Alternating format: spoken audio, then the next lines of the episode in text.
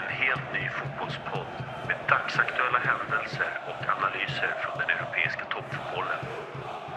Vi utlovar ofiltrerade sågningar, men även en del hyllningar. Tempot är högt och domsluten är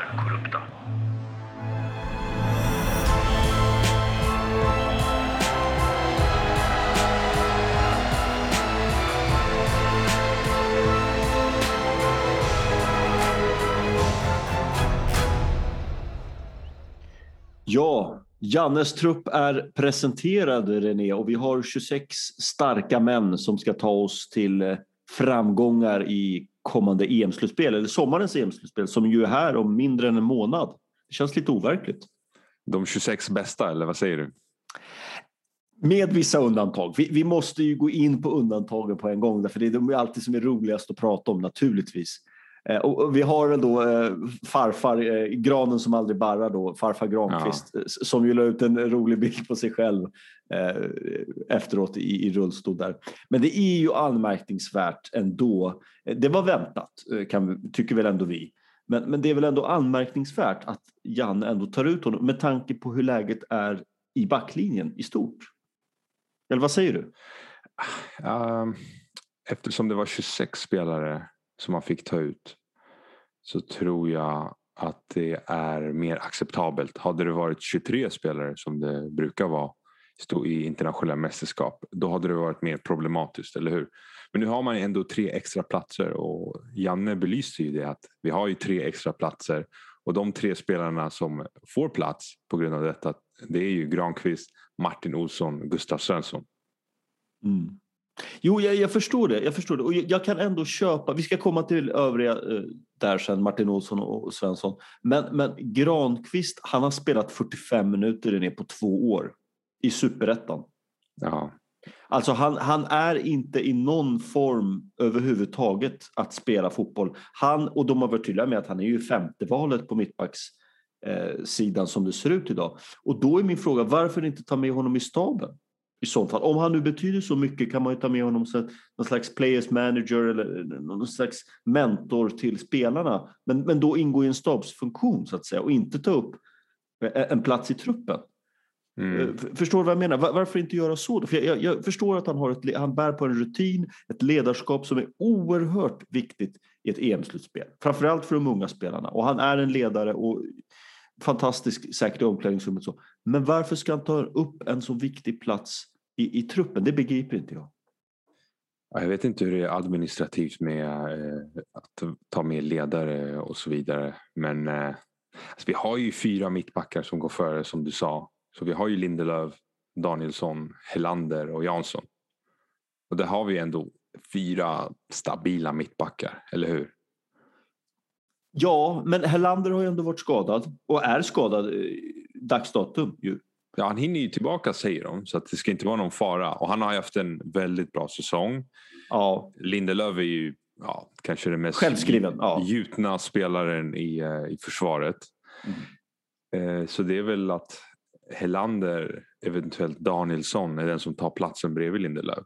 Och Jansson är väl, ja, han är väl fjärde alternativ i dagsläget. Ja, han är fjärde alternativ. Och om vi bara backar liksom, Helander, han har varit skadad ett tag. Han har, jag håller med han har varit väldigt bra. Det är ju eh, den svenska Maldini eh, som sagt. Så att, eh, ja, det är väldigt fina eh, ja, Väldigt fina. Vad är Lindelöf då? Är han svenska Baresi eller? Han är Baresi, precis. Ja. Ja, lite roligt att man ändå inte jämför honom med Glenn Hussein. det är i alla fall en svensk spelare med eh, engelsk anknytning då kanske, men det, det, är inte tillräckligt stort namn kanske. Nej, men Helander, han är ju skadad eh, i, i dagsläget och visst, de säger att han ska komma tillbaka, men det är ändå en viss osäkerhet kring honom. Eh, jag menar, han är skadad eh, fortfarande. Och sen har vi då Danielsson som ju spelar i Kina. Det är ju mm. inte till hans fördel direkt. Eh, visst, han har spelat ett par matcher eh, det här året, eh, men han har ju inte spelat någonting i landslaget i år. Och han var inte med på förra landslagsuttagningen. Han kunde inte, eller han fick inte helt enkelt. Nej. Så det, det vilar ändå någon slags osäkerhet kring hur är, hur, vad är hans dagsform? fotboll är en färskvara, form är färskvara. Hur är hans dagsform? Han gjorde mål eh, nyligen, jag tror det var senaste matchen. Han avgjorde matchen faktiskt. Ja, men det är i kinesiska ligan René. Det, det, jo, det, det måste, det måste bedöma, jag vet att du kommer angripa mig nu, men du måste ändå bedöma kinesiska ligan för vad det är. Menar, en, Jo, en, en, men en, sminkad gris, en sminkad gris är en gris. all, allsvenskan och kinesiska ligan, liksom, vad är skillnaden på den nivån? Det, allsvenskan kanske har bättre spelare och taktik och så här, alltså rent generellt. Men i kinesiska ligan har du topp, alltså mer toppspelare, utländska spelare som har kommit dit. Så du har ju liksom så här, eh, ja, det är svårt att bedöma kin- kinesiska Ja, men hur, ligan. ja, men hur många spelare i startelvan spelar i allsvenskan? Ja, alltså vi, Å andra sidan, det, det är ju bara en. Det är ju, det är ju lustigt. Lustig. Ja. Och sen eventuellt eh, Sebastian Larsson. Och sen ja, eh, men han kommer inte starta. Han kommer inte starta den. Det, det, är jag- Augustinsson skadad då går Martin Olsson rätt in i startelvan. Från, eh, från Häcken. Ja, och, och, det, och vi kan ju gå in på det. Nu har du dragit av plåstret så nu, nu måste jag ju badda med All sprit. Men alltså, det är ju väldigt märkligt att man tar ut Martin Olsson. Jag menar, vi, vi, vi- väntade oss Granqvist. Vi, vi kanske Mm. tycker att det är lite konstigt att han tar upp en plats eh, av dem med tanke på hur mittbackssituationen ser ut då. Jag hade inte sagt något faktiskt om det hade funnits tre friska formstarka mittbackar. Eh, då hade jag kanske inte sagt något om Granqvist följer med. Jag tycker ändå att han inte ska ta upp en plats. Men Martin Olsson däremot, han spelar i Häcken. Och Häcken ligger sist i allsvenskan. I alla fall i botten. Eh, Ja. och han har spelat fem matcher tror jag i år. Eh, visst, de matcherna han har spelat han har sett helt okej ut. Men jag menar, han har inte spelat i landslaget på hur länge då? Ett, ja, Två ett bra år tag. minst. Ja, Ja, ett riktigt bra tag. Väldigt skadebenägen senaste åren. Väldigt skadebenägen. Han var Ja. ju borta där eh, över ett år ett tag när han skadade hälsenan. Hittade inte en klubb, var tvungen att komma in som en eh, liksom, eh, joker i Helsing, eh, Helsingborg. De åkte ju ner med honom i laget. Så att, ja, det, det, var, det var väl den stora överraskningen att Martin Olsson fick plats i truppen. Ja, ja. Och, och det är ju också för att han är en Janne Anderssons favorit naturligtvis. Absolut. Janne äls älskar Olsson, han älskar Granqvist. Och jag förstår det. Han vet vad han får ut av dem. Det är spelare som är lojala, som alltid gör sitt jobb. Jag Martin Olsson, jag kan inte komma ihåg att han någonsin har gjort en dålig landskamp faktiskt i landslaget. Han, han, han gjorde alltid sitt jobb och, och bidrog ju också med mycket offensiva kvaliteter. Men det var ett tag sedan. Ja. Han är inte samma spelare längre och därför tycker jag att det är väldigt märkligt. Framförallt eftersom att Pierre Bengtsson är den som får kliva åt sidan. Ja, det var väldigt förvånande eftersom Pierre Bengtsson har gjort det bra dessutom. När Augustin som var skadad i, i kvalet, EM-kvalet, kom Pierre Bengtsson in gjorde det, ja, gjorde det ganska felfritt faktiskt. Vart stabil. Ja, stabil, defensiv, bra spelare. Visst, han är inte, det är ingen glimrande offensiv kraft, det är det inte. Men, men det är också svenska landslaget och, och det, prioritet är ändå defensiven för en vänsterback. Det låter annorlunda om man, om man spelar i spanska landslaget till exempel. Eh, Jordi Alba är nästan mer anfallare än eh, försvarare Ja. ibland. Och, men det är ett annat landslag, det spelar på ett helt annorlunda sätt. Så förs- jag köper inte det heller, utan det, det är det försvarsmässiga som är det viktigaste och att man får spela. Och Bengtsson har spelat mer än Martin Olsson har gjort i år också. Mm. Eh, eh, och, och dessutom i danska ligan som ju ändå slår lite högre eh, än, än allsvenskan kan man tycka också då. Jag tror att han har spelat åtta matcher och gjort två assist. Det är Så menar, det, ja, det är mycket märkligt tycker jag. Han har Ja. spelat mer både i klubblag och i landslag på senare tid och i mycket bättre form. Och, och inte skadedrabbad heller. Martin Olsson har ju varit skadebenägen i, här på, på inledningen av allsvenskan också. Alltså när det gäller vänsterbackspositionen tycker jag att ett, ett bra tag nu har allt, har det varit eh, lite märkligt i det svenska landslaget. Tycker inte du? Gaggiolo till exempel Mm. som har gjort det bra i Serie A ett tag får, får inte chansen. Oscar Wendt blev utfryst från landslaget fastän han spelade på toppnivå i många år och i Champions League. Ja, Safari, glöm inte Safari också. Safari. Så den här vänsterbackspositionen den, den är lite enigmatisk, eller hur? Ja, verkligen. verkligen. Vilket fint ord du använde där. Ja, och det, traditionen fortsätter Ja, när det gäller eh, vänsterbacken. För det, ja, det är konstigt att Pierre Bengtsson inte får plats. Gaggiolo är helt åsidosatt. mm. Eh, vilket man kanske kan förstå eftersom han inte kan språket så väl.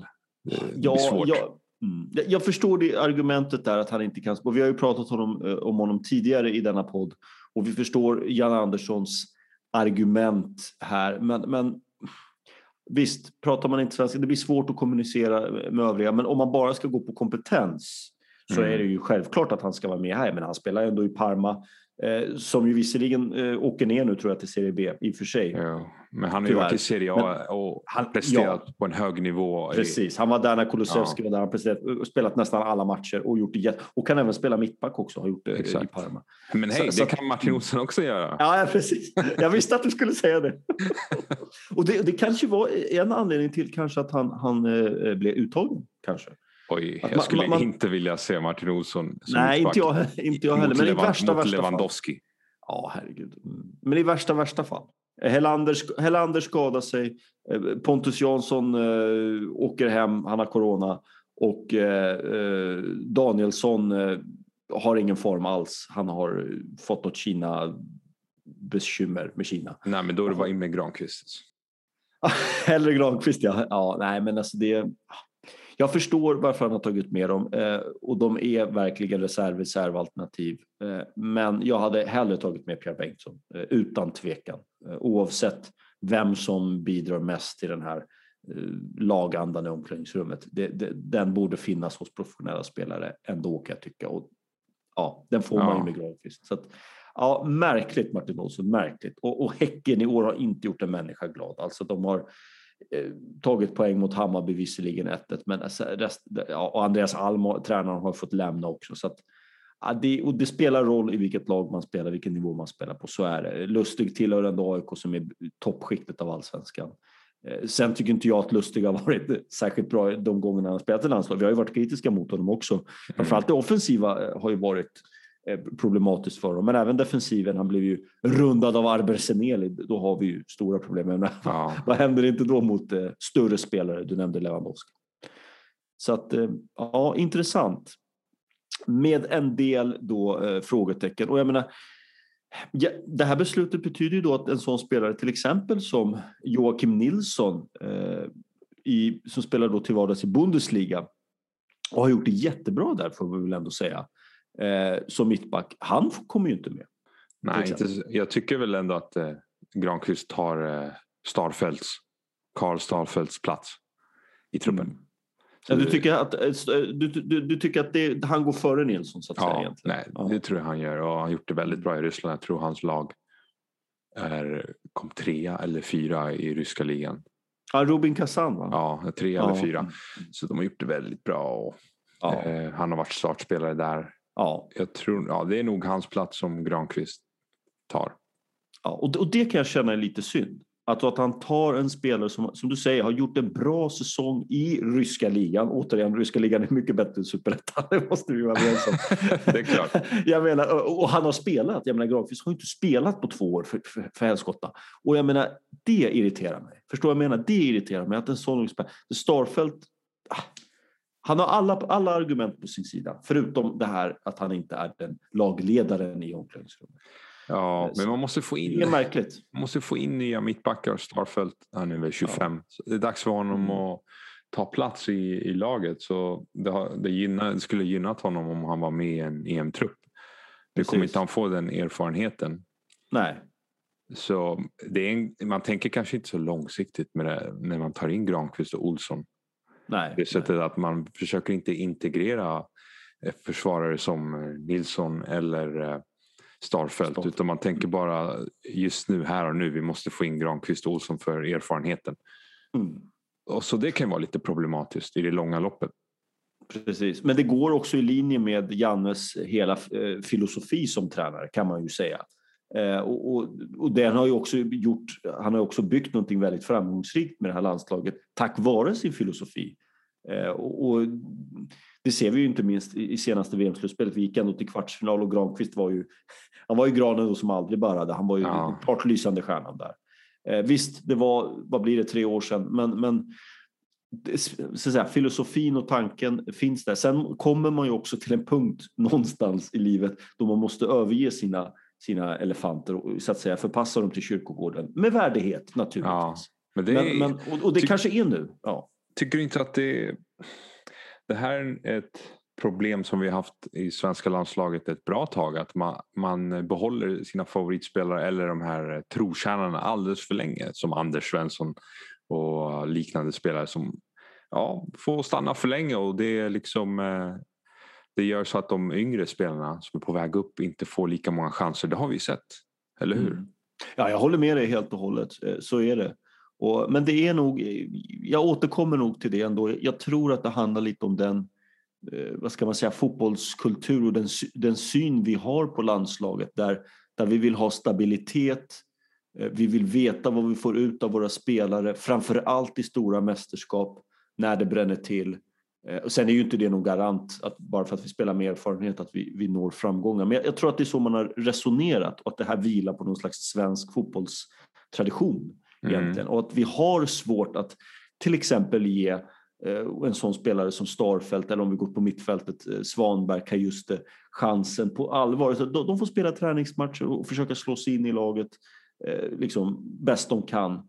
Eh, I sinom tid så kommer de växa in, tänker man då, i sina roller och när de är fullfjädrade, duktiga spelare, kanske lite för länge, 26-27 år, då kanske man ger dem chansen fullt ut och de får ta en startplats. Men, men ja, jag, förstår, jag hör vad du menar och jag förstår vad du menar, men jag tror att, jag tror att det är så man resonerar generellt ja, i Sverige. Det, det kan vara problematiskt för då det tar det lite för lång tid innan vissa spelare får chansen. Och då, det är därför man ibland förlorar spelare till eh, mm. Bosnien och så vidare.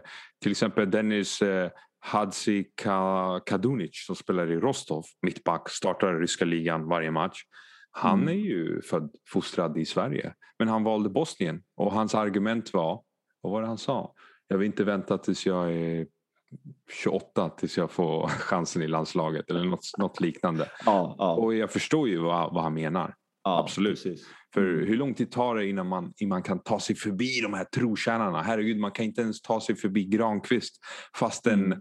Eh, hans bäst före datum ja, passerade för ett och två år sedan kanske. Eller hur? Mm. Ja, precis. Och detsamma gäller ju Ahmed Hodzic mm. som gick till Bosnien. Han får starta, han får spel, speltid direkt. Hur lång, tid skulle det, hur lång tid skulle det inte ta innan han skulle få chansen i en tävlingslandskamp eller ett mästerskap i Sverige? Ja. Jansson skulle gå före för att Pontus Jansson har ju spelat i landslaget länge fast han har spelat i Championship. Skulle han mm. alltid gå före en spelare som Ahmed Hodzic. Ja, fast den talangmässigt kanske mm. skulle vara smartare att spela med sådana unga eh, hungriga mittbackar. Men det gör ja. man inte i landslaget. Nej, nej, precis. Och det, ja, jag håller med dig jag, jag, tror precis som du säger, jag tror att det här är skadligt eh, på lång sikt framför allt. Kanske inte så mycket på kort sikt, men eh, framförallt på lång sikt. Att vi får ju inte, vi, vi, är, vi kan inte knyta till oss eh, de här spelarna eh, som är talanger eh, på samma sätt riktigt som kanske andra länder gör som satsar lite mer ungt. Mm. Eh, och jag, menar, jag brukar prata mycket om, eller jag nämnde förut en sån spelare som Paulus Abraham som fick ett stort genombrott eh, i AIK förra året och gjorde eh, en bra säsong och som nu spelar i FC Kroningen. Han har, spelat i, han har gjort 12 matcher och två mål. En blygsam produktion, men han är 18 år. Ja. Och gör det väldigt bra. Men jag, jag tror så här, det kommer dröja väldigt länge tror jag innan han överhuvudtaget får chansen i landslaget, i A-landslaget. Ja. Eh, och, och, det är synd. Och det är samma sak. Jag kan dra flera exempel också. Bilal Hussein, AIK. Han var ordinarie förra säsongen, har spelat varenda match i år i AIK. Han är 21 år, jätteduktig innermittfält. Precis en sån kreatör som vi söker. Jag säger inte att han ska debutera i landslaget imorgon, men jag tycker att det är en sån spelare som borde vara i Janne Anderssons blickfång och som man måste fånga upp. Liksom. Mm. Aymar Cher har vi i Hammarby. Jätteduktig talang, jätteduktig spelare i Hammarby. Har fått hoppa in ganska mycket och spelat en liknande spelartyp också. En kreatör, playmaker typ på mittfältet. Jätteduktig tekniskt. Och så har vi Robin T som är svensk-finskt eh, ursprung och valde Finland. Han spelar nu i finska u landslaget han är 18 år, 19 år tror jag. Mittback, jättemodern, trevlig mittback med bra fötter, bra spelförståelse, snabb och teknisk. men jag säger så här om honom, blir han bra, alltså ta nästa steg i sin utveckling, då väljer han Sverige. Tror du verkligen det? Ska han sitta och vänta hundra år till tills de spelar nästa mästerskap eller kom igen? Ja, men ja, jag eller? vet inte, men, men ja, det beror på. Men det kan vara för sent också. Han valt Finland, visst han kan ändra sig, men jag menar, det säger ju ändå, varför har han inte valt Sveriges u då? Skulle han inte ta en tröja i svensk, svenska u Jag tror inte det, för det är, det är många bra spelare i u Ja, det är det. Ja, det, är det. Men det är så här, många gånger ser man att i u har vi bra spelare. Ahmed Hodzic spelade väl u till och med. Ja, det gjorde han. Vi, vi har det, men sen det steget från u till A-landslaget som mm. verkligen var, alltså det är en skyttegrav. Alltså det, är, ja. Det är som första världskriget. Alltså, ta, ta sig igenom ingenmansland. Blir liksom, ta sig från ena skyttegraven till den andra. Och det, det är väldigt problematiskt. Till exempel, eh, tänk dig, vi har till exempel han eh, Robak i Milan som spelar i Milans. Mm. Hur lång tid kommer det ta innan han får chansen? Eh, Anthony Elanga, Josef Elangas son i Manchester United. Han har fått spela Premier League-match nu. Ja. Du vet, och nu diskuteras det att ta med honom i U21. Han borde redan ha varit i U21, eller hur? Ja. Så vi får se. Men det, när vi pratar om det här, jag tror det är relaterat till det här, är det ju fantastiskt att eh, Jens Kajust ja. blev uttagen. Ja, det, det, är underbart helt enkelt. Underbart roligt att han får, får spela. Verkligen ja. kul. Eh, och, och, det är verkligen, och det, det var väl lite grann det vi menade. Där har vi en ung spelare som ju Janne ändå har gett chansen. Jag menar, han, har ändå mm. fått spela, han har ändå fått göra sina inhopp och starta sina matcher, vissa träningslandskamper. Jag tror han startade mot Kosovo eh, eh, till exempel och har gjort det bra. Jag tycker han har varit helt okej okay när han har fått spela också eh, och, och, gjort det väldigt bra. Eh, och han får ju åka med till EM och se och lära, precis som du sa, den här nyttiga erfarenheten som, alla, som man vill att alla spelare någon gång får chansen att se, bara se och lära. Han kommer inte få göra många minuter, troligtvis kanske inte en enda minut i EM. Men han får den här viktiga så att säga, läroperioden tillsammans då med övriga landslaget. Och det tror jag är väldigt viktigt för honom. Ja, men när han väl har spelat eh, så har han varit bra, måste ja. jag säga. Han är en duktig fotbollsspelare, jag tycker om. Han har fysisk kapacitet som ingen av de andra centralmittfältarna har. Nej, precis. Eh, och han har bra teknik och sen har han väldigt mm. bra driv med bollen.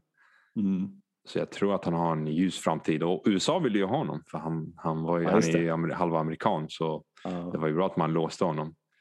Men ja. Eh, ja. det är kul att jag var lite orolig för att eh, han inte skulle få plats och att Gustav Svensson skulle komma med och inte han. Men nu, nu kom bägge med.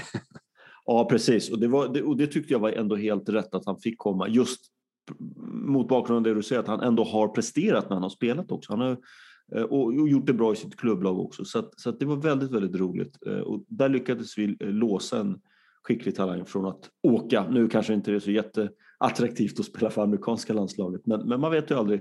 Det kan finnas andra faktorer bakom det där. Men det var kul. Och även att Svanberg fick komma som gjort en kanonsäsong i Serie A i Bologna. också väldigt roligt. Och jag tror ja. att bägge de två namnen kommer att vara framtidsnamn i landslaget. Det, det är inget snack om saken, det, det tror jag. Eh, och, och jag menar Ekdal börjar bli till åren och, och sådär och Kristoffer Olsson har haft lite varierad form eh, i år och ja, mm. haft lite, har inte gått lika självklart för honom som det kanske gjorde eh, förra året och några år innan där. Men, men ja, det känns ändå bra. Återväxten på innermitt känns ju ganska trevlig faktiskt. Ja. Och när man sitter och tittar på, jag slog mig i alla fall, jag vet inte om du tänkte samma sak, men styrkan i Sverige brukar alltid vara det defensiva och att vi har så stabil defensiv målvakt, backlinje brukar alltid vara då brukar man tänka så här, Åh, ja, men det kan vi alltid vila oss emot. Men nu känns det nästan tvärtom. Nu känns mittfält och anfall jätteintressant. Ja, det gör det. Men backlinjen känns lite oj, oj, oj. Vi har så många alternativ och väldigt många centrala mittfältare mm. i truppen. Lite ovanligt. Och sen eh, ytterplats, alltså som yttermittfältarna, där alternativen är ju ja, det är nästan eh, lyx. Eller Vi har ju ja, Kulusevski, Claesson, Forsberg, Ken Sema och sen eventuellt Sebastian Larsson. Jordan Larsson och Quaison kan ju också spela yttermittfältare. Ja, precis. Det kan Alexander Isak i värsta fall också göra. Mm. Så där, ja, där har vi inga problem. Och det är mm. nog därför Jesper Karlsson inte får chansen.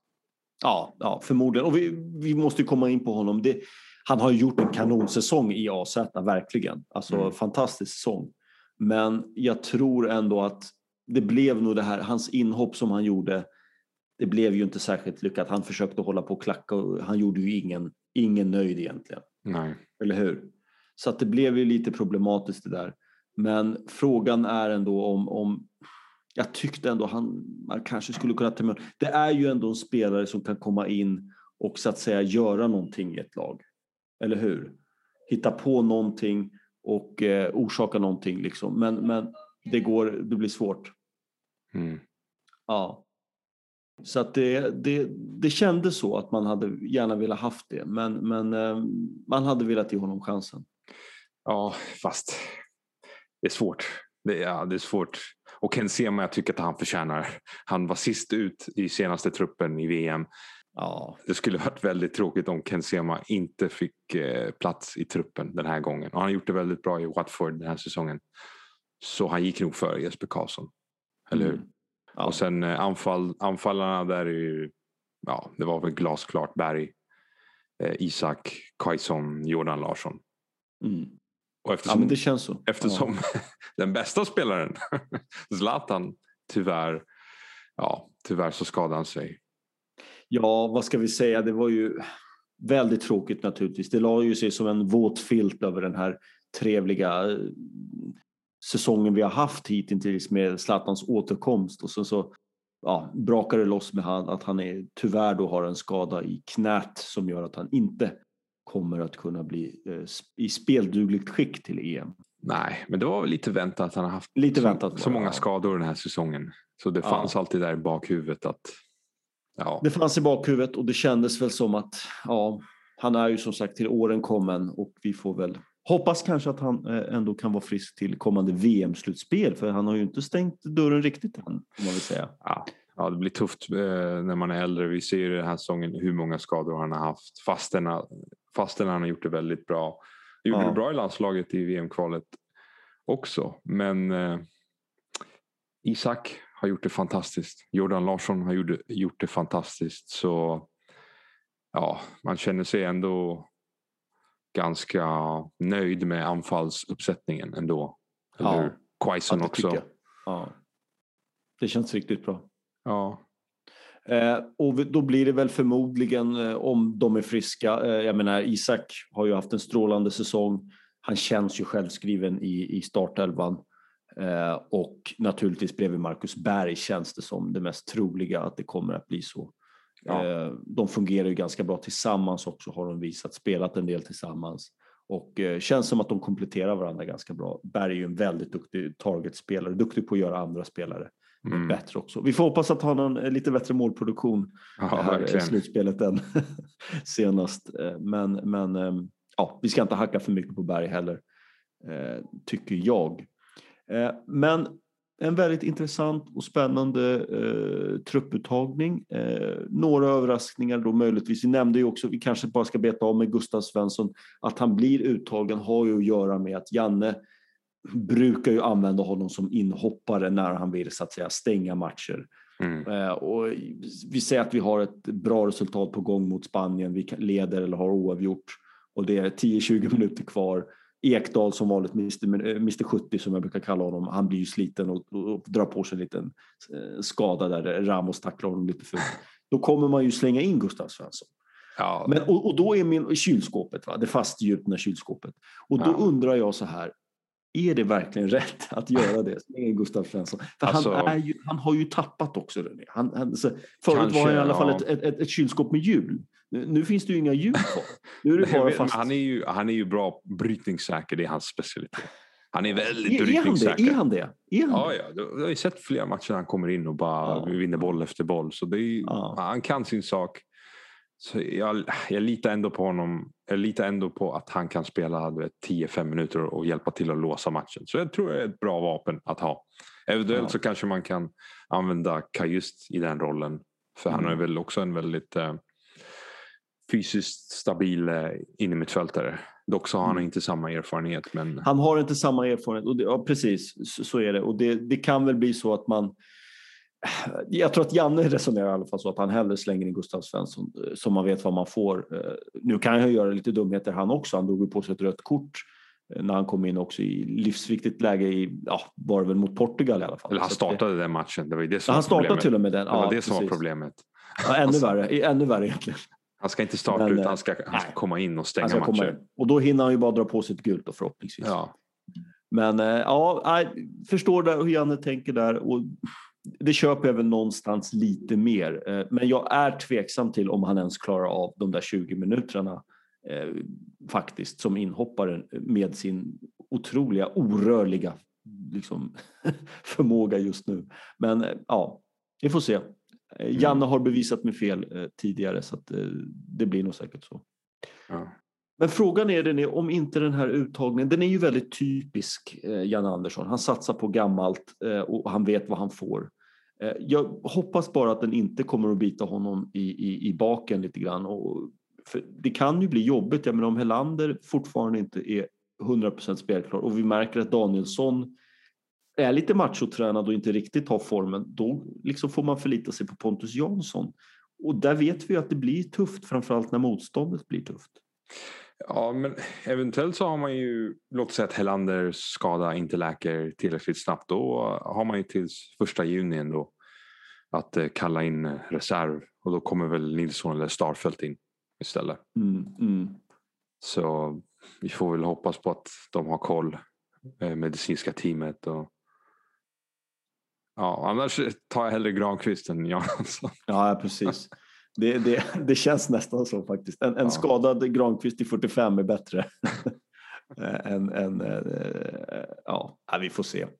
Men äh, ja, det ska bli väldigt kul. Annars tror jag väldigt mycket på truppen. Framförallt den offensiva äh, kapaciteten tycker jag är väldigt häftig att se. Ja. Så vi får se hur det artar sig. Hoppas Kulusevski får speltid dock. Ja, verkligen. Ju, han, ja. Ju, han avgjorde ju italienska cupfinalen igår. Ja, på egen hand och fick ju otroliga, otroligt bra välförtjänta recensioner. Både mål och assist. Han var bäst på plan. Alltså, ja, bättre än Ronaldo. Ja, utan Ronaldo var ganska osynlig men Kulusevski han var ju utan tvekan matchens spelare. Inte bara på grund av eh, eh sitt mål och sin assist utan bara på, ja han var överallt kändes som. Mm. Han var farlig hela tiden, slog fantastiska inlägg eh, in i boxen. Mm. Eh, utmanade. Ja. Han gjorde kanske sin bästa match i Juventus. Mm. Och det var, jag håller med dig, han var ju jättebra. Och det är ju så här man vill se honom. Alltså han, han var ju så självklar i allt han gjorde. Och det lös självförtroende om honom. Han gjorde ju fantastiska inlägg, utmanade, spelade enkelt när det behövdes. Eh, assisten till Kesa är ju jättefin, vittnar på väldigt bra spelförståelse. Eh, målet, den här kyliga placeringen i bortre eh, som bara uppstår av en liksom halvchans egentligen. Typiskt han, lägger ja, den typ, i bortre. Ja. ja, påminner om hans första mål också i Juventus-tröjan. Nästan exakt Han gör alltid sådana där mål. Alltså. Ja, I ja. landslaget också. Vet, han sätter den i bortre, alltid. Ja, ja. Och det, och det tror jag kommer vara väldigt viktigt. Sen kommer det bli stenhårt konkurrens mellan honom och Claesson där. Och där tror jag faktiskt dagsform kommer att avgöra helt och hållet. Vem som visar mest på träningarna inför. Men det är lite problematiskt att han inte kan ta den här rollen som vi såg igår i landslaget för Forsberg mm. ska ta den mm. rollen. Mm. Men nej, Fors, eh, Forsberg var alltså bänkad i eh, cupfinalen eh, Leipzig mot Dortmund. Så den viktigaste mm. matchen på säsongen för att vinna en titel och han är bänkad i Leipzig. Medan mm. Kulusevski startar och är matchens lirare. Mm. Ja, precis. Och, och, i Juventus dessutom. Och det säger en hel för, del. För, för Leipzig, ja. Att det är tronskifte. Juventus... Det är tronskifte ja. på gång när det gäller eh, den så kallade playmaken i Sverige. Tror jag. Verkligen. Ja, nej, men det, jag, jag, tror precis som du att det är så. Däremot så, så vet jag inte riktigt vad man ska göra åt det. För att, eh, och Janne känns ju inte heller speciellt sugen på att testa Kulusevski. I och för sig fick han ju hoppa in i den rollen mot Kosovo. Eh, mm. lite mer playmaker-roll bakom anfallet och gjorde det jättebra. Han, ja. jag, jag, tyckte han kändes mycket bättre där än ute till höger. Skapade Så, oreda direkt. Liksom.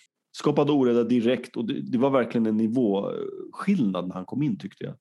Men frågan är om Janne, jag tror Janne kommer ju inte liksom laborera med hans position eh, till EM. Det ser jag som fullständigt osannolikt om man känner Janne. Utan han kommer att spela med Kulusevski. Om han spelar så spelar han till höger. Mm. Punkt slut. Eh, men, men, och det tycker jag i och för sig är lite synd. Jag tycker att man borde, och du vet ju, jag förespråkar ju diamantuppställningen, men jag tycker faktiskt att man borde i alla fall spela in Kulusevski på någon slags offensiv eh, spetsposition. Hur man gör det, det struntar jag i, men jag tycker att han ska spela där. Och jag tycker ja. att han är så pass bra så att man ska bygga laget kring honom. I det framtiden? Inte, ja. ja. och det är inte för inte som Messi bygger, eller förlåt, Barca bygger hela sin, sitt spel kring Messi.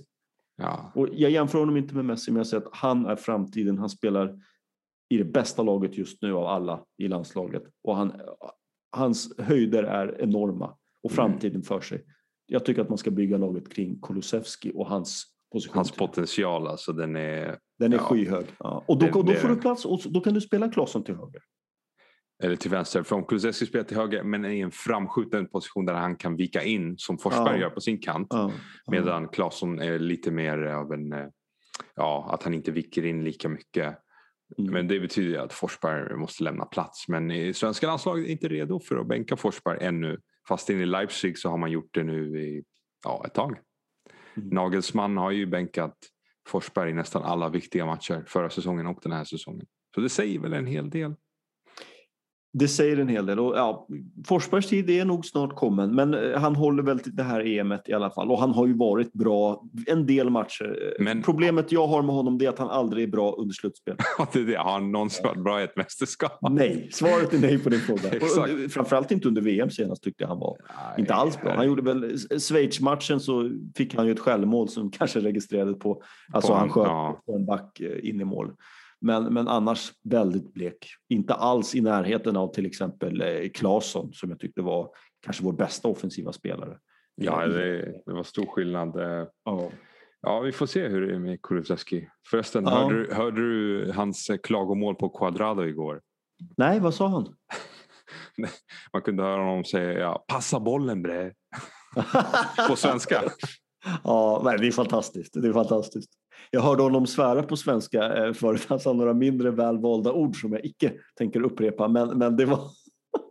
Ja. han, är så, han är skön. Jag Ja, gillar det. nej, det är framtiden. Eh, Vi Ja, hoppas, att, ja. hoppas att han presterar på Ja. samma nivå som igår. Att han gör det i EM. Det vore fantastiskt. Ja. ja, det hade varit underbart. Det hade varit helt underbart. Och eh, eh, vi pratade lite grann om, vi har gått in lite på italienska ligan. Eh, och eh, mitt kära Milan satte sig i en otrolig knipa när man bara fick eh, oavgjort mot Cagliari. Och det Mm. kunde ju faktiskt ha slutat ännu värre. Jag tyckte Cagliari hade de klart farligaste chanserna. Ja, Milan såg uddlösa ut och, Donnarumma fick rädda oss med två otroliga räddningar.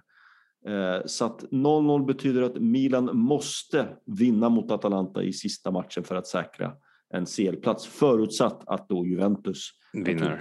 vinner också. Ja, Eh, och Napoli. att, eh, Napoli också. Och Napoli, ja. Ja. Och till vår stora fördel kan man väl säga, eller om man ska hitta något ljus i tunneln så har ju Atalanta inget att spela för. Nej. Eh, förlorade nyligen Coppa Italia-finalen och har ingen chans på eh, Att- Europaspel.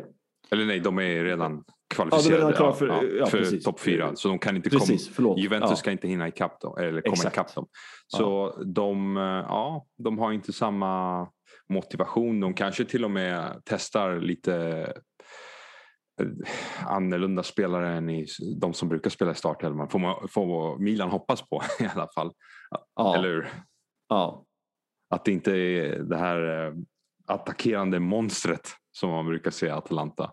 ja, Men igår precis. mot Juventus så blev de neutraliserade helt och hållet. Ja, Men det är helt väl erfarenheten i Juventus man har spelare som Buffon, eh, Chiellini och eh, sen kommer ju Bo- Bonucci in också stängt matchen och det är Quadrado. Det är spelare som har vunnit alltså, italienska cupen eh, många gånger och vunnit ligan och spelat Champions League-final. Så där Precis. såg man skillnaden eh, när det gäller erfarenhet. Precis. Det var en klassskillnad som var eh, påtaglig faktiskt. Även om Atalanta bjöd upp till dans så, så Mm. höll det tyvärr inte hela vägen. Jag tycker att de gjorde en väldigt bra första halvlek Atalanta men sen mattades det av lite grann där. Och spiken i kistan kom väl egentligen med 2-1 målet där. Men lite kul att den som egentligen var den mest tongivande spelaren är före detta Atalanta-spelare. Det är ju Kulusevski. Just det! Han är från Atalantas akademi Ah, men fick inte rikt, riktigt chansen i A-laget utan de skickade honom till Parma istället. Och där gjorde han ju det så bra att Juventus köpte upp honom. Mm. Så han, eh, ja, han, eh, han fick ju aldrig någon riktig plats i Atalantas seniorlag. Så det var ändå lite, lite kul för honom säkert. Ja, en att, liten eh, revansch. ja, bevisa att, eh, att han har kapaciteten. Han har de, definitivt skulle han nog ha kapaciteten att starta i Atalanta, det tror jag. Ja, ja, det tror jag också. Och han har, framförallt har han ju den höga höjden. Eh, Det han behöver höja det är ju hans lägsta nivå.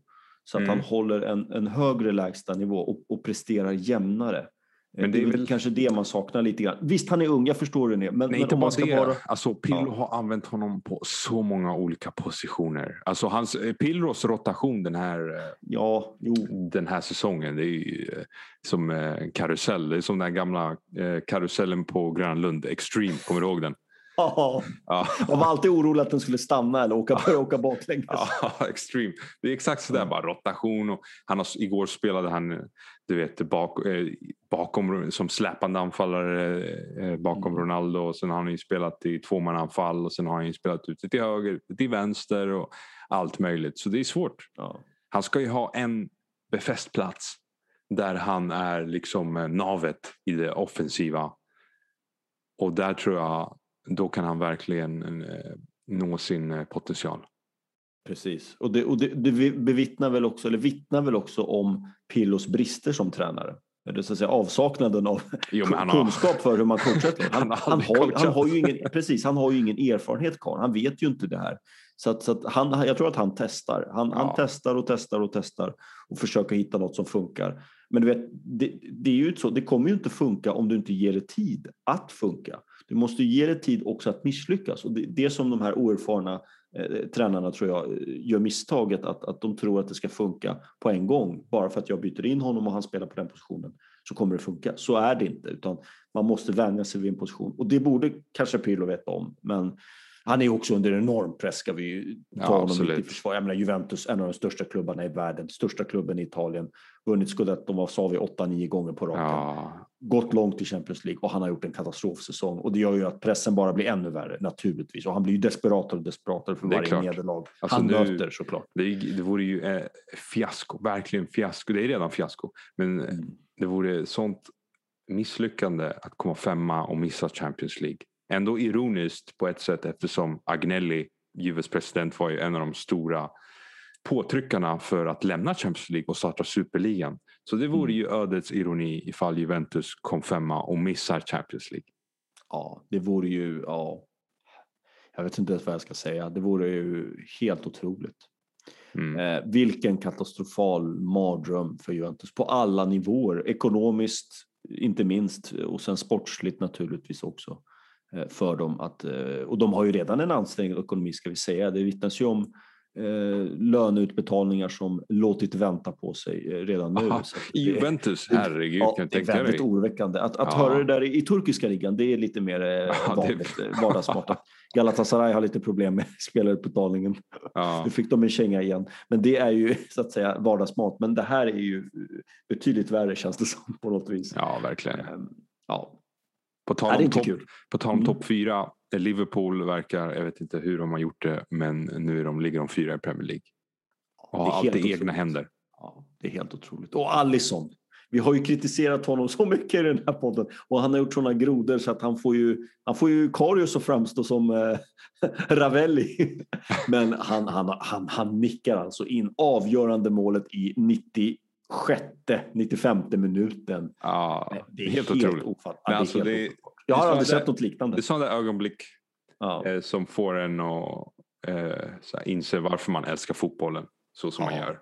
För Ja. det finns liksom ingenting annat som kan eh, ja, få en att känna sådär. Alltså, det, var, det var helt otroligt.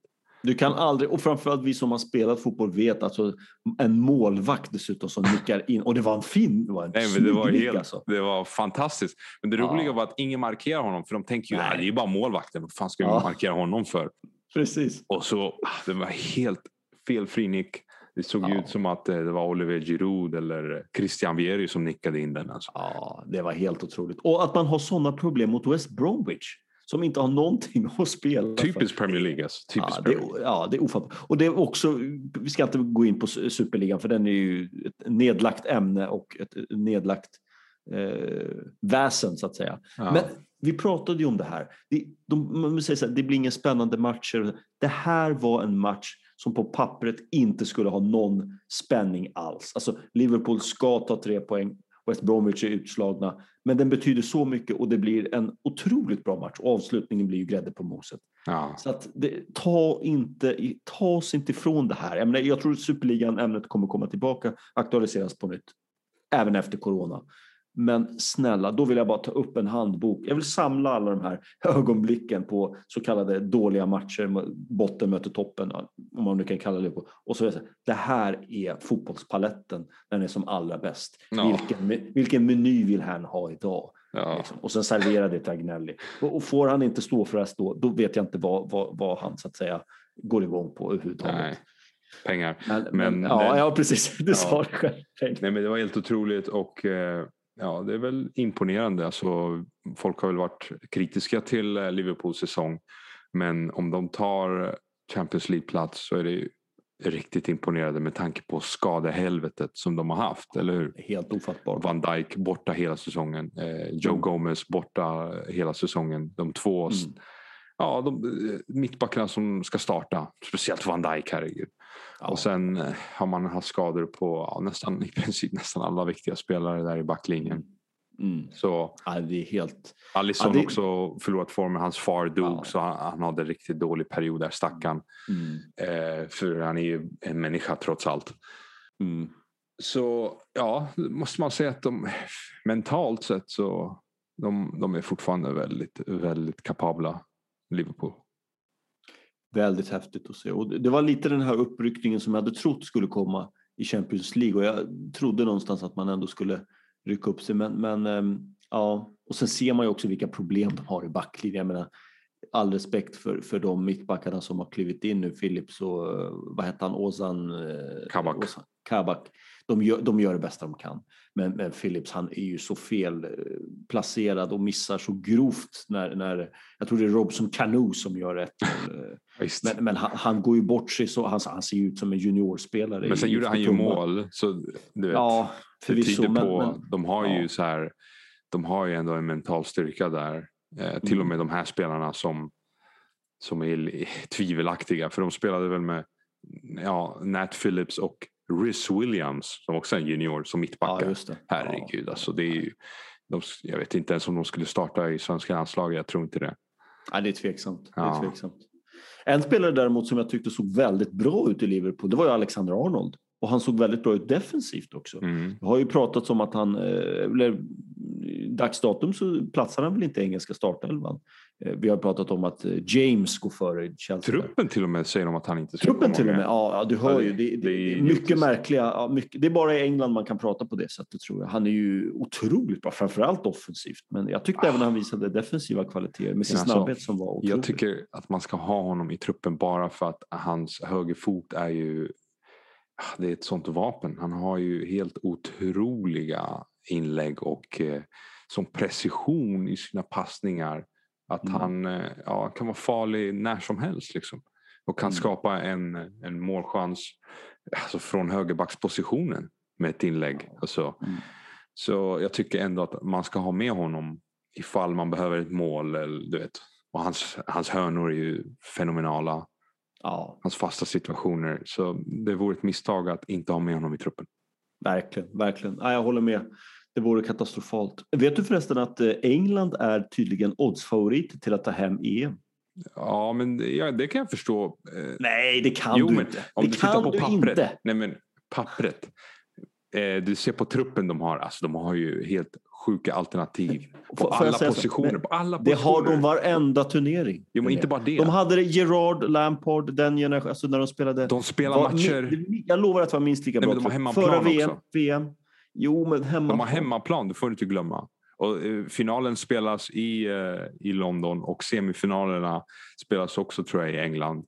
Så att de har ändå fördelen och eh, de kommer ha publiken med sig. Så därför är de förhandsfavoriter. Det är ju den anledningen. De gör det, det alltid är... bra när de spelar i England. De har spelat där en gång och tagit guld. Ja, men sen... 68 VM, 69 VM. Va? Ja, 66. Ja, ja 66, förlåt. Ja. ja.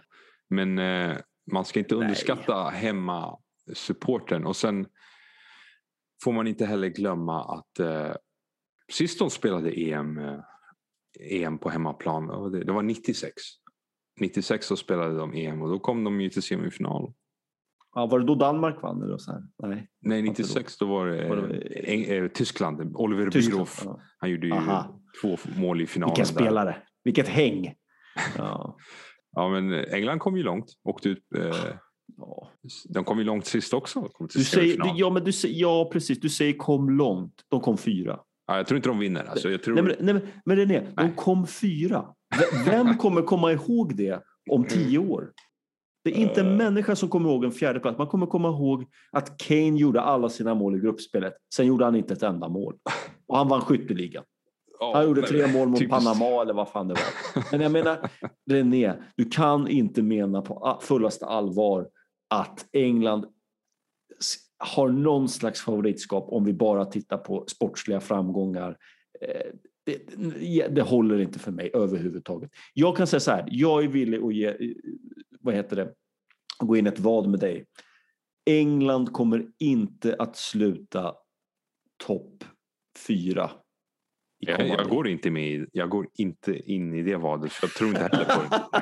Ja, du ser, du tror inte på Det det som att jag tror på Men de är England. odds ja, men Om du har den, om, om du tänker så, hur kan du då säga att det är rimligt att de är oddsfavoriter? Det går inte. Nej, det för går när det gäller odds, du vet hur det är. De tänker Nej, men inte odds på... måste väl ändå bygga på logik? Men det gör inte det. Statistik. Kommer du inte ihåg att du berättade om Barca PSG? Att eh, Ja, PSG hade sant. ge- skyhögt odds i Champions League.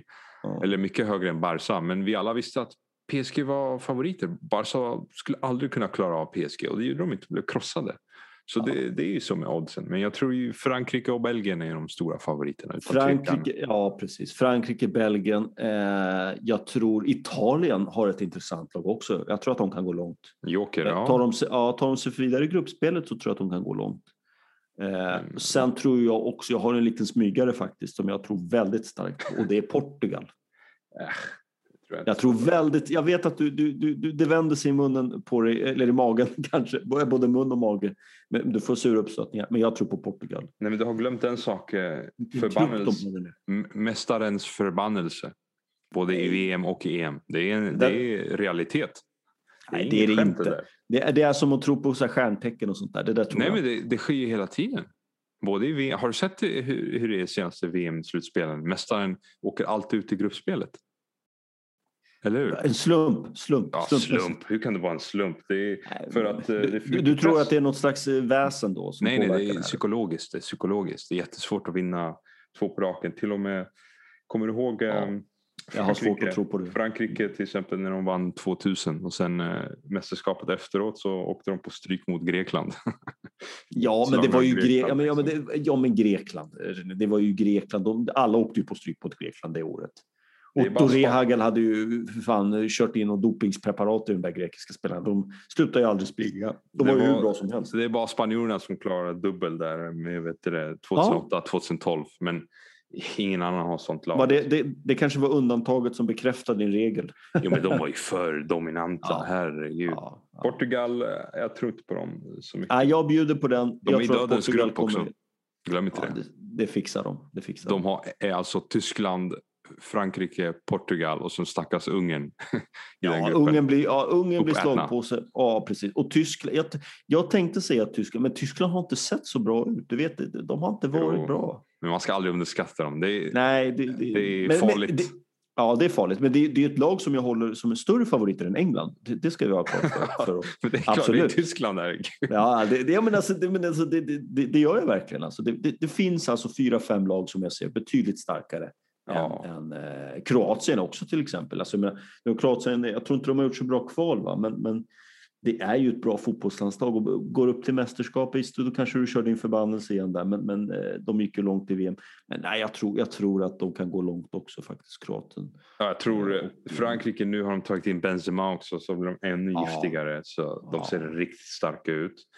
Belgien, ja de har ju fantastiska spelare. Alltså de har ju Mm. bara, bara deras offensiv, att de har De Bruyne och Lukaku. Mm. Det är ganska skräckinjagande, eller hur? Ja. Du tror, du, ser du någon skräll bara när du tittar på lagen? lite? Vi ska ju specialisera oss och syna lagen i sömmarna och, och grupperna och här. Men ser du någon så här potentiellt ett skrällag som du tror kan gå långt? Typ Island, nivå Tyvärr, Grekland eh. Tyvärr så ser, så ser Danmark ut att ha en bra situation. Med, med Jag tänkte på säga sin- Danmark. På tank, Ja. Med tanke på med sin grupp och allt. Så Ja. Danmark ser ut att kunna gå långt. Eh, så ja, måste hålla koll på dem och de är väldigt skickliga. De har bra alternativ på alla positioner. De har en väldigt stark målvakt. Det är alltid viktigt Mm. att ha en bra målvakt i ett- oj, mästerskap. Vad, vad bra han var. Vad, vi ska komma in på FA, men vad bra han var i FA-cupfinalen. Ja, vilka räddningar. Han gjorde speciellt den här sista räddningen på Mason Mounts skott. Det var ju, jag vet inte hur han höll den utanför eh, Ja, det var helt otroligt. linjen men det var, ja, vilken, det var nog hans faders styrka som eh, Ja. kom igenom honom. Så nej, det var otroligt. Vi- vi- Vilka reflexer den karln har. Alltså, han fick ju Gordon Banks att se ut som eh, eh, kylskåp. Alltså, han, var ju, ja, han vänder sig i luften. Ja, det var helt otroligt. Så, ja, så Leicester vann ju då. Ja. Kuppen, vi kan, eftersom vi är inne på det temat. Precis. Eh, Leicester slog Chelsea och eh, ja, det är väl en fram, framgångssaga egentligen. Nu har de vunnit Mm. ligan och FA-cupen.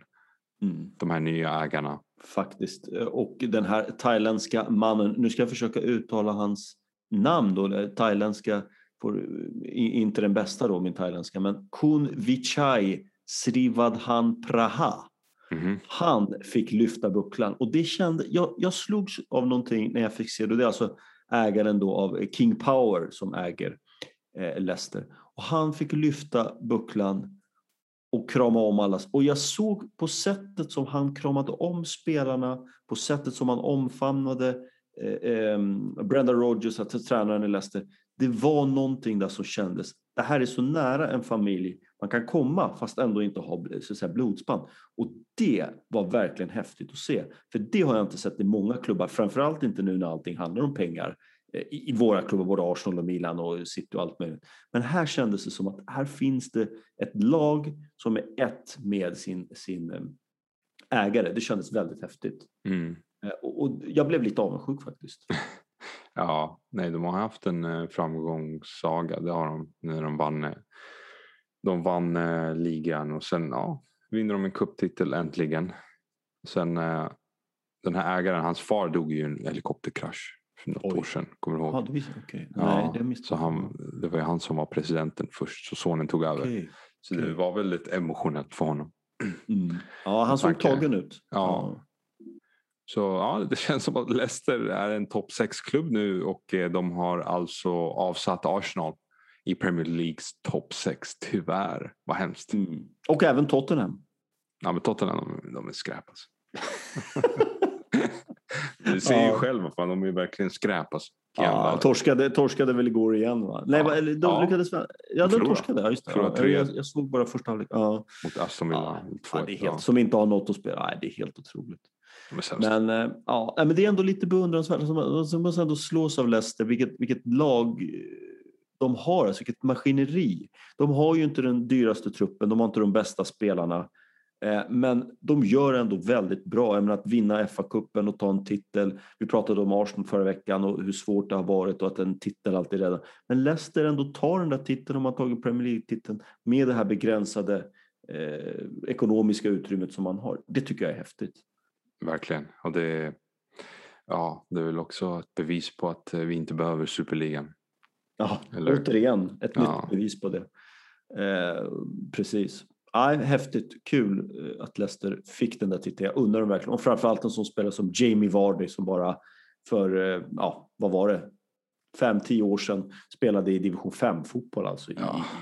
i England. Det är ofattbart. Och vilken- knegade, knegade på, i någon I fabrik. industrin. Ja. Ja, I den engelska stålindustrin. ja, industriellt kneg alltså. Ja. Ja, det påminner om han den här vänster eller högerbacken i Island som var salt, eh, saltarbetare, alltså Ja, framställde fabrik, salt ja. i någon fabrik på Island och sen han VM. Ja, och fick ta hand om Messi Här, ja, det är helt otroligt. och gjorde det framgångsrikt. Det blev ju 1-1 den matchen. Ja, Mm. Otroligt. Ja. Med en neddrogad Maradona på läktaren som var eh, i extas. Må han vila i frid, den Ja. store mannen. Eh, och sen måste jag bara nämna Hamsik gjorde ett fantastiskt mål för IFK Göteborg. Riktigt snyggt mål. Eh, enligt honom till och med ett av de allra bästa. Han tog väl i lite där. Ja, Han har gjort fantastiska mål i Napoli också. Men eh, väldigt kul att se. Eh, Han har ju varit lite, kanske inte ifrågasatt, men han har, det har väl inte synts riktigt att det är en storstjärna som har spelat i Göteborg. Förrän den stunden då han tar emot bollen och klipper till på halvvolley rakt upp i krysset. Mm. Eh, där och då kände man att det här är en spelare som har mycket, mycket mer i sig. Och Göteborg, Real Göteborg då, som de kallar sig själva, eh, tappar då eh, och, och, det blir 2-2 till slut i, i den matchen. Eh, för dåligt försvar och jag tror som sagt inte på Göteborg i år heller. Eh, märkvärd i år heller. Jag tror att Berg och Oskar Wendt blir viktiga spelare när de får komma in. Eh, det tror jag. De annars, dem. Ja. ja. annars blir det tufft för Göteborg även i år. Eh, det är för ojämnt i laget. Eh, man har Tobias Sana, man har Hamsik, man har några spelare till som är eh, duktiga spelare, eh, Tern bland annat. Men, men det räcker inte tror jag. Utan man behöver få in lite nytt. Ja. Det vet vi. Och sen spekulerades lite grann om också vi ska ägna oss lite spekulation så här på sluttampen. Kane kanske ska gå till City. Då blir det väl ingen Håland. Vad tror vi om det?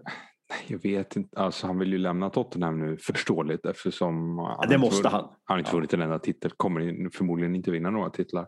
Han vill ju lämna. Det är väl dags. Eh, men eh, prislappen kommer vara ett problem för ja. jag tror inte Tottenham kommer släppa honom billigt. Och sen om, låt oss säga, de begär runt 120-150 miljoner pund för Kane, vilket är helt sanslöst. Ja, Då kommer ju lika gärna gå efter en annan spelare. Både City, United och Chelsea kommer nog inte punga ut sådana summor för Harry Kane. Som dessutom Nej. är väldigt skadebenägen, det får man inte glömma. Nej. Wow, det är precis, och det han måste ju röra på sig, så är det. Uh, och vi, vi, får se. Uh, det ska ändå bli kul att se honom i EM. Vi ska inte vara för kritiska. Eh, det ska bli kul att se honom i EM och se vart, vart han tar vägen. Eh, vi är väl ganska säkra på att han inte stannar i Tottenham. Eh, känns det väl som spontant. Men ja. som sagt, om, om prislappen är för hög så det blir svårt att försvara att, att köpa honom för de enorma pengarna faktiskt, som, som jag ändå pratar om. Då kan man lika gärna satsa på Haaland som är mycket ja. yngre eller Mbappe. Eller köpa in någon mycket billigare som Lewandowski som är lite äldre men han bombar ju mål. Så. Ja, verkligen. Uh, ja, det blir intressant. Sen har det ju ryktats lite grann om också att eh, Xavi ska ta, ta över Barca också. Att eh, Koman försvinner verkar ju allt mer troligt. Ja. Lite tråkigt för Henke Larsson också som får mm. följa med ner i avgrunden tyvärr. Det blev en, en kort återkomst. Eh, men så kan det bli. Och nu har det även pratat om att, eh, pratats om att Hans Flick kanske är aktuell för eh, Barca, alltså Bayern Münchens succétränare som ah. ju vann Champions League med. Intressant. Mycket intressant. Jag trodde att han skulle ta över tyska landslaget, att det var prat om det, men det, det, var, det blev ju inte så. Ja, vi får se. Tyskland mm. kanske fortfarande eh, tar eh, eh, ta honom, men eh, mm. ja, jag vet, jag vet, inte om han skulle passa i Barcelona. Jag tror inte det. Jag tror inte det, nej. Nej. Det är svårt att avgöra egentligen. Eh, ja. De är väl specifika med hur de vill spela och jag tror inte hans mm sättet han spelar på passar dem riktigt. Nej. nej, nej. Sen tror jag ju att Barca behöver en rejäl renovering i truppen. Ja, verkligen. Eh, man måste bygga om helt och hållet. Det håller inte. Backlinjen är ju alldeles för dålig. Ja, de väger ju eh, släppa och, alltså, vissa ja. spelare som är ja. typ Piqué. Alltså, hur länge ska man ja. Hur länge ska man fortsätta spela med honom i backlinjen? Ja, och även Busquets tycker jag, det måste vara dags att... Tills de är 40 eller? Ja. Bara för att de är akademispelare eller? Nej men det är gamla meriter. Ja, nej det håller inte. De har lite liknande problem som svenska landslaget har, att de, de behåller kvar kanske sina eh, för, eh, gamla spelare lite för länge. Och jag tycker lite synd om spelare som de Jong och Griezmann som ju, jag tycker ändå det jag sett av de Jong så det är ju en väldigt bra fotbollsspelare och han var ju fenomenal i Ajax och lite samma sak med Griezmann. Vi vet att han är en väldigt bra fotbollsspelare, men de får liksom inte ut det i, i det här Barca, utan det, det, är väl bara Messi egentligen som får ut sin halvfulla potential egentligen i, i dagens Barca. Det, det känns lite tråkigt faktiskt. Ja, nej, Messi också, hans kontrakt går ut och han gör ju bäst i att lämna. Frågan är om han kommer göra det verkligen. Det, det, ja. ja dags att lämna, kan inte stanna i det där, nej. i det där eh, sjunkande skeppet, eller Precis. Man måste veta när, när skeppet är på väg ner och ja. hoppa av i tid. Annars, annars följer man ju ner, ner till botten. Ja. Det, det, så får det ju inte ske. Va? Man vinner kanske moraliska poäng naturligtvis när man gör på det sättet eh, hos fansen. Men, men eh, är man Messi så behöver man inte bry sig om det tror jag. Han har redan gett sina bästa år till Barca. Ja. Han är inte skyldig dem någonting egentligen. Nej, nej. Och de har behandlat alltid- honom ganska dåligt vet, under Bartomeu. Ja, Eh, tillät inte honom att eh, använda sin klausul i kontraktet att lämna. Det fanns en klausul där han kunde lämna efter säsongens slut. Men de sa bara nej. mm. Du vet, sådana där taktiker har de kört. Alltså, det är bara så ett fuskbygge just nu. ja. Och det är Ja. bara, Som det, håller på att rasa ihop igen. Ja, Ja, det är det. Så är det. Så är det. Och eh, ja, det ska bli kul att se eh, vem som tar över Barca och hur man, man kommer att, så att säga, eh, agera i Barca. Om det blir en storstädning eller hur man... Ja, men det är också svårt att storstäda truppen i coronatider. Det är ju inte den bästa tajmingen. Ekonomin är ju begränsad där precis som i alla andra klubbar.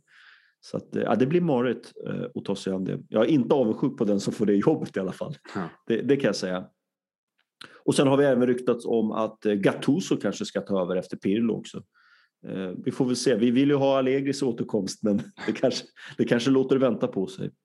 eh, Så att säga. han ryktas ju till Real Madrid. Mm. Då kanske Zidane tar över Juventus. Mm. Ja, det var det jag trodde från början att Zidane möjligtvis skulle kunna ta över Juventus. Att han är sugen på en helt ny utmaning Mm. i en Ja, ny kanske. liga. Han har ju Kanske. spelat Juventus också framgångsrikt. Ja, vi får se. Det blir intressant att se. Eh, ja, ska vi säga så Ja, för dagen? för idag. Yes. På återseende. På återseende. Adios. Adios.